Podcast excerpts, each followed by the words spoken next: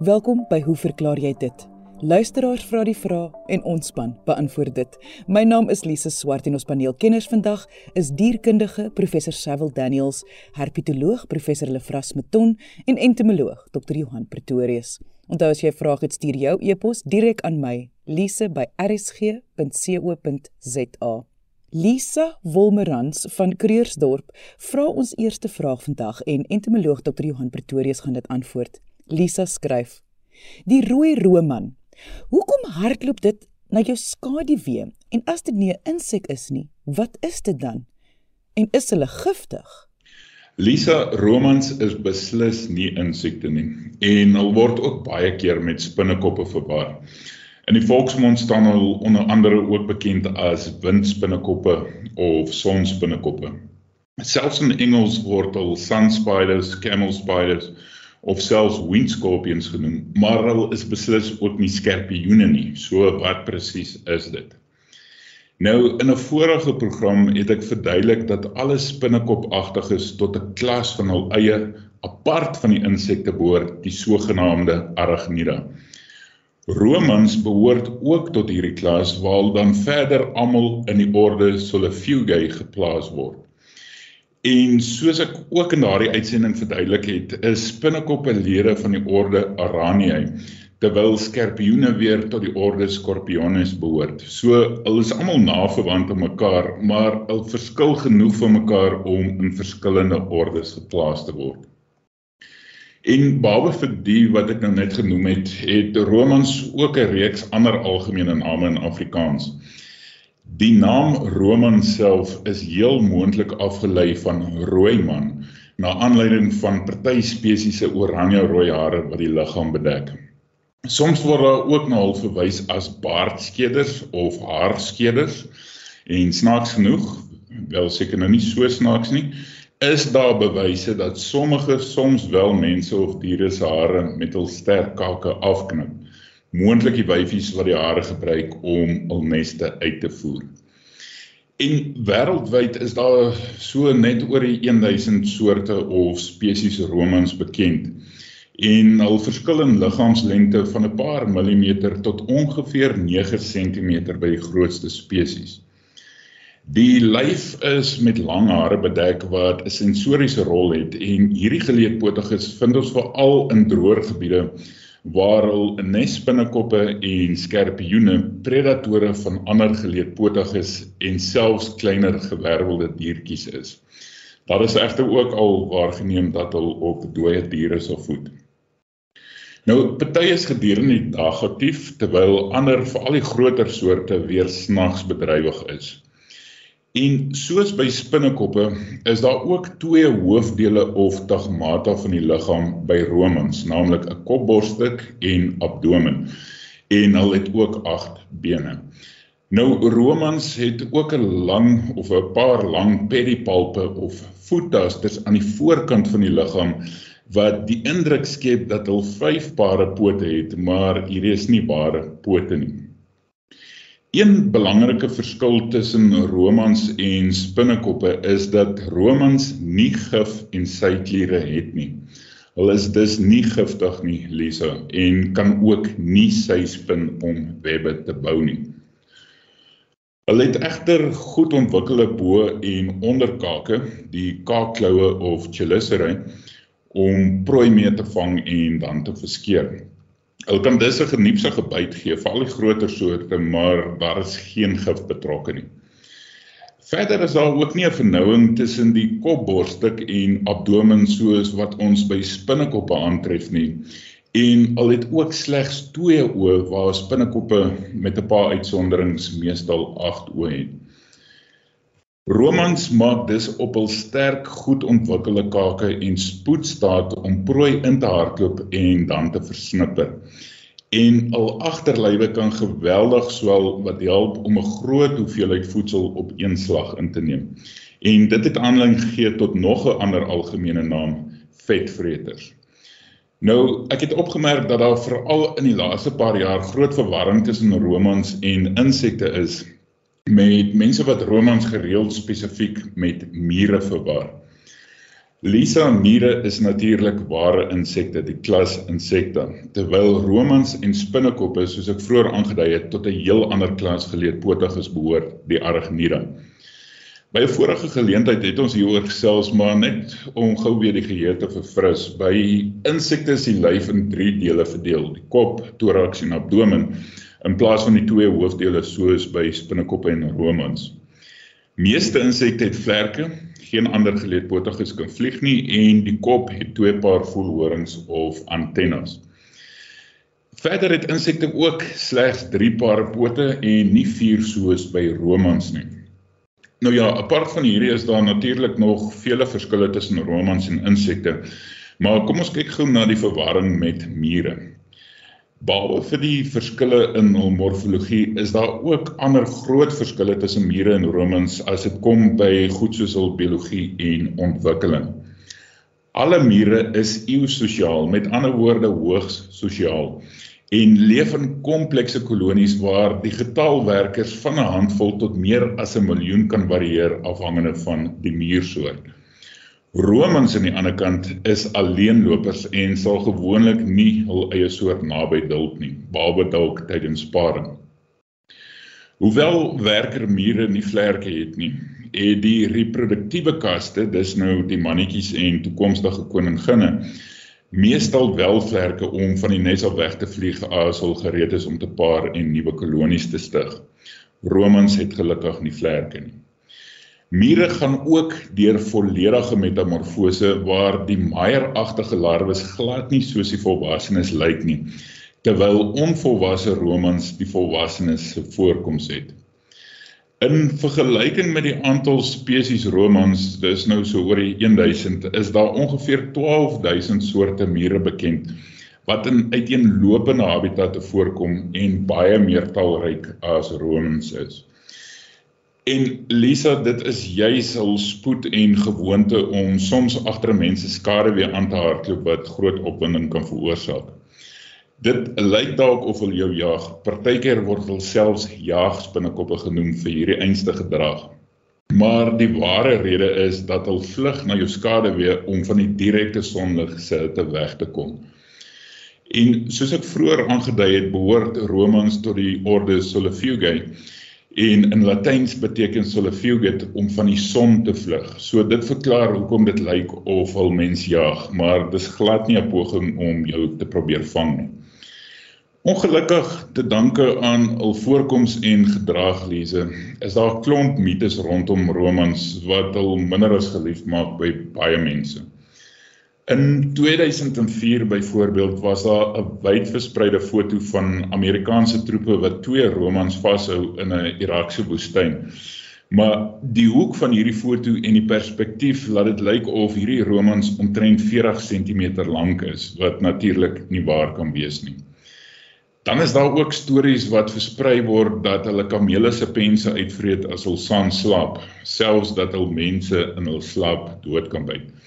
Nou ja, ek hoef nie eens te sê dat dit absolute bog is nie, Lisa. So Lisa, dankie vir jou vraag. Romans is beslis nie insekte nie. Hulle behoort tot 'n heel ander groep van hul eie en wees gerus dat hulle geen gevaar vir die mens inhou nie. En dit was entomoloog Dr. Johan Pretorius. Onthou as jy 'n vraag het, stuur jou e-pos direk aan my, lise@rsg.co.za of jy kan ook deur RSG se webwerf 'n vraag stuur. Gaan net na www.rsg.co.za. Hoekom kom die marsupialis in die springbok se wetenskaplike naam Antidorcas marsupialis voor? Dit vra Divan en dierkundige professor Cecil Daniels gaan dit beantwoord. OK, kom ons gaan gou na die basiese beginsels van hierdie die klassifikasie van diere toe. Die grootste groepering wat ons kry binne die diereryk, binne die ryk Animalia, um, is dan nou die ryk. Die volgende groepering is die filum, dan die klas, dan die orde, dan die familie, dan die genus. Na die genus kry ons spesies. Nou ons weet dat spesies biologiese entiteite is. Hulle is gewoonlik geneties en morfologies verskillend van ander spesies.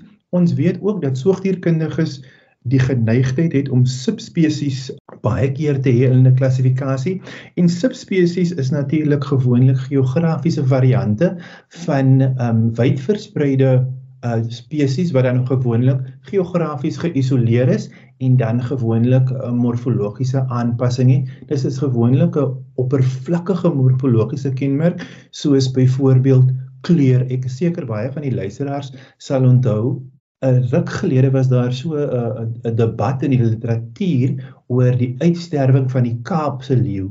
Die Kaapse leeu het morfologies 'n baie swart 'n pels gehad, maar dit is maar net basies 'n aanpassing vir koeler temperature om die Kaap. Dit is morfologies en geneties dieselfde as die gewone um, leeu wat dan nou Panthera pardus is wat deur die land voorkom.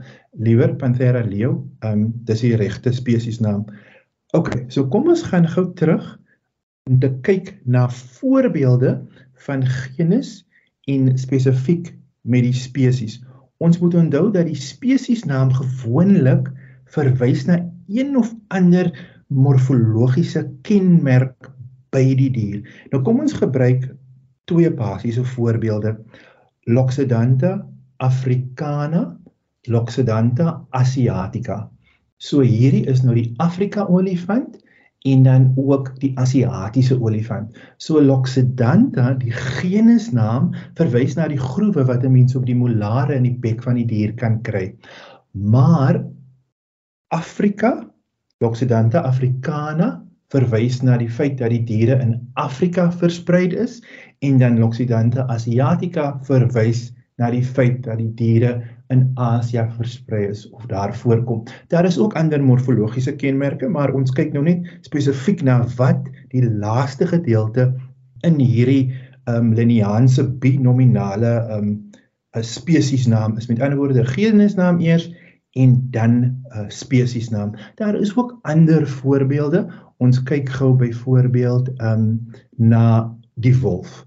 'n Wolf is Canis lupus, so hierdie uh, is dan nou Canis is die genusnaam en Lepus is dan nou die die wolf se wetenskaplike naam. Maar ons kry ook ander voorbeelde waarvan mense meer vertroud sou wees. Canis lepus familiaris, familiaris die laaste gedeelte, ehm um, is dan nou 'n subspesies naam en hier is dan nou natuurlik 'n verwysing na die hond wat die troeteldier is daar by die huis. 'n Ander voorbeeld, Canis pictus. Ehm um, hierdie is nou natuurlik die wilde honde. Ehm um, so die woord pictus bewys is gewoonlik 'n verwysing liewer na die feit dat die dat die diere lyk of hulle amper geverf is wanneer hulle dan nou in die natuur voorkom en dis natuurlik um, op die op die pels van die dier want dit help uiteraard met die kamouflering van die dier in die natuurlike omgewing. So die eerste gedeelte van die naam is die genusnaam, die tweede gedeelte is die spesiesnaam. Die spesiesnaam nes die genusnaam het gewoonlik 'n paar kenmerke wat geassosieer kan word met die spesifieke organisme. Nou, die springbok, Antidorcus marsupialis. So, marsupiale, weet ons, is natuurlik buideldiere. Um 'n springbok is uit die aard van die saak nie 'n buideldier nie, maar Nou moet 'n mens kyk hoekom het die dier hierdie snaakse en hoogs verwarrende spesiesnaam marsupiale. Wanneer 'n mens na die stert van die springbok kyk en baie keer in mense se huise sien 'n mens gewoonlik die pels van die dier wat dan nou droog gemaak is en as byvoorbeeld as 'n mat gebruik kan word.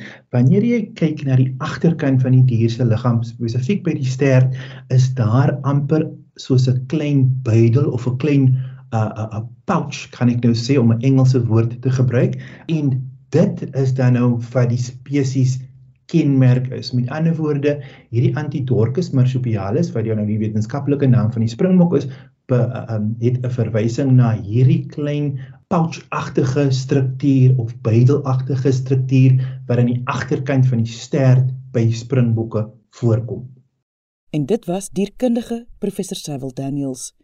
Petro van Sail het vir ons 'n TikTok video oor die goue katvis gestuur wat op sosiale media die ronde doen.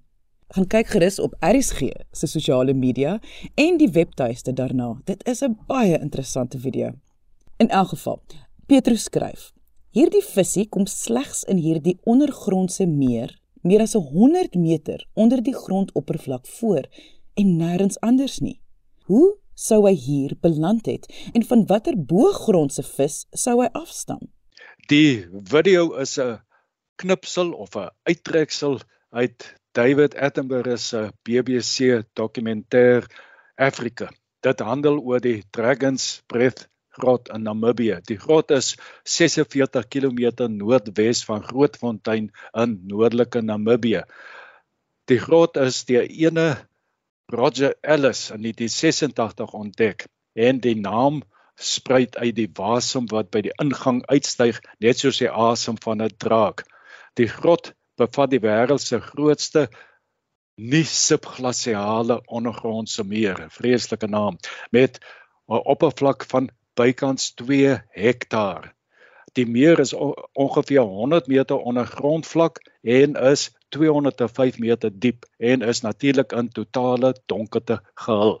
In die video knipsel word daar aanspraak gemaak dat die goue grot katvis of barber Clarias cavernicula net in hierdie meer voorkom en nêrens anders nie. Maar die BBC het het baie duidelik nie hulle huiswerk ordentlik gedoen nie. Hierdie visie kom glad nie in die Dragon's Breath grot voor nie, maar wel in die Eigermas grotstelsel 55 km vanaf die Dragons Breath grot. Die Eigermas spoel of meer is ongeveer 80 meter onder die grot uh, opening of onder die grondoppervlak en meer as 100 meter diep. Dit het 'n baie klein boonste oop water uh, oppervlak. Uh, Sywaarts trek die, die water dan nou onder die rotsmassa in. Net soos uh Dragon's Breath is dit natuurlik in totale duisternis gehul. Beide grotstelsels is sogenaamde karstgrotte. Dit wil sê dit het gevorm deurdat dolomiet oor tyd in water opgelos het om aanleiding te gee tot ondergrondse ruimtes en gange.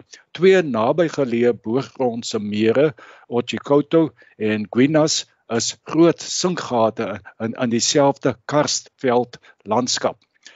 Die goue of wit grotkatvis, soos hy ook bekend staan, kry sy naam van uh sy pigmentlose vel wat die vis 'n 'n roomkleurige, pinkerige of goudkleurige voorkoms gee. Ander katvissoorte wat nou boogronds lewe en natuurlike vyande het, is donker van kleur om hulle te kamoufleer. Maar in die stuk donkerte van die poel en met die afwesigheid van natuurlike uh, vyande is pigmentasie van die vel natuurlik oorbodig. Behalwe vir hierdie opvallende aanpassing tot lewe in die donkerte, vertoon hierdie katvisie nog 'n aanpassing tot donkerte. Die oë is gereduseer of by sommige individue selfs afwesig. So vir alle praktiese doeleindes is die visie blind. Miskien is dit 'n manier om 'n bietjie energie te spaar dat die oë nie hoef te ontwikkel nie. Net soos ander katvisse besit die grot katvis vier paar hoogs sensitiewe lang voelers rondom die mond en hierdie voelers stel hom in staat om in die donkerte sy weg te vind. Ook net soos ander katvisse besit die grotkatvis organe net bo kan die kiewe wat hom wat hom in staat stel om suurstof uit lug te onttrek. Met ander woorde, hulle kan buite die water asemhaal of in water met lae suurstofvlakke oorleef deur lug te hap. Die visie word so 17 cm lank. In die Eigermaspoel lewe die groot katvis in die boonste 15 meter van die water. Diepe onder toe is daar waarskynlik te min kos. Uit die aard van die saak is voedselbeskikbaarheid in so 'n ondergrondse poel 'n massiewe probleem. Omdat daar geen sonlig is nie, is geen fotosintese moontlik nie en is daar dis geen primêre produksie nie alle kos moet van buite af inkom en so diep onder die grond is is die moontlikhede maar baie beperk. Organiese materiaal kan tydens storms saam met water in die poel beland, so ook 'n insek of twee miskien wat hulle pad buiste geraak het. In die Eigemas grot kom daar ook 'n endemiese isopod invertebrate diertjie voor wat ook deur die katvis geëet word. Uh, daar word ook geglo, dat vleermuis mis nog baie voedingsstowwe bevat omdat vleermuise swak verteerders van hul kos is. En en dat vleermuismis dan nou die belangrikste eh, voedselitem vir die visie is.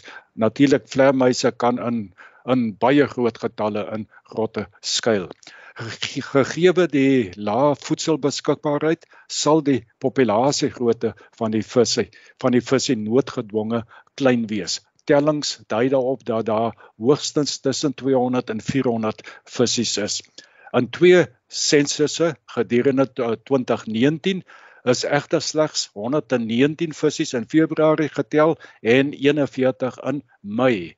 Uh in daardie selfde jaar is nog twee poele in dieselfde grotstelsel ontdek wat ook visse in het en daar word vermoed dat die die poele via gange met mekaar verbind is en die die visse tussen die poele kan beweeg. Hoe dit ook al sê, die getalle is baie laag en dit is dis geen wonder dat die grotkatvis as 'n hoogs bedreigde spesies beskou word nie. Kom ons bestaan dat die daling aan watervlak as gevolg van oormatige onttrekking van water of enige waterbesoedeling of selfs verwydering van visse vir die troeteldiermark tot uitwissing van hierdie unieke vis kan lei. So te loops verskeie pogings om die vis in gevangenskap te probeer teel om getalle aan te vul indien dit nodig sou wees, was tot dusver ons suksesvol. Die vraag is nou Hoe het die grot katvis in die poel in die Aigamas grot beland en wanneer het dit gebeur? Ek kry nie die indruk uit die literatuur dat daar al 'n molekulêre studie gedoen is om te bepaal waar die groot katvis in die katvis stamboom dis nou die genus Clarias inpas nie. Met ander woorde, watter een van die ander katvis spesies sy naaste verwante is nie. Sulke studies kan gewoonlik ook die aftakking dateer. Met ander woorde, in hierdie geval wanneer die voorvader van die groot katvis geïsoleerd geraak het. In 'n verslag van die Namibiese regering word daar genoem dat die die groot katvis uh of die goue groot katvis moontlik naverwant aan die slangkatvis Clarias theodorai kan wees wat in die Konini en die Kavango riviere 370 en 250 km van Agamas voorkom. Die graad van morfologiese verskil tussen die twee spesies is egter aansienlik, 'n aanduiding dat die aftakking nie so onlangs soos 1000 of 2000 jaar gelede gebeur het nie, maar waarskynlik eerder 'n paar miljoen jaar gelede.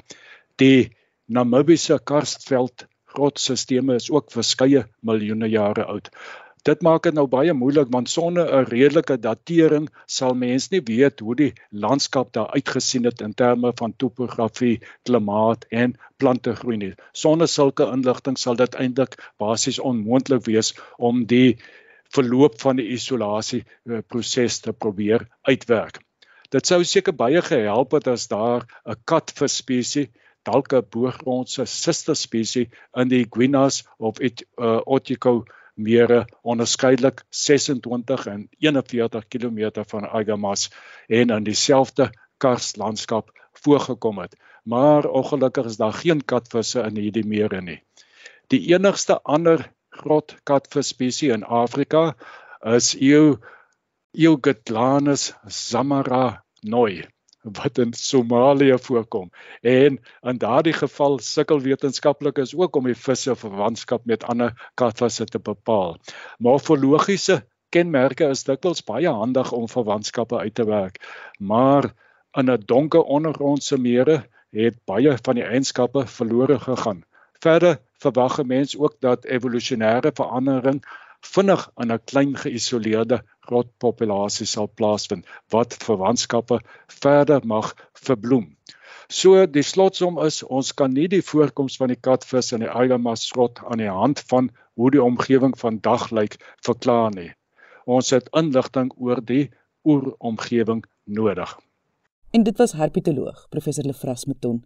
Onthou as jy 'n vraag het, stuur jou e-pos direk aan my, lise@rsg.co.za. Ek sê baie dankie aan ons kenners en vraagstellers vandag. Onthou om altyd nuuskierig te bly en vra te vra. Tot volgende week hier op RSG saam met my, Lise Swart. Totsiens.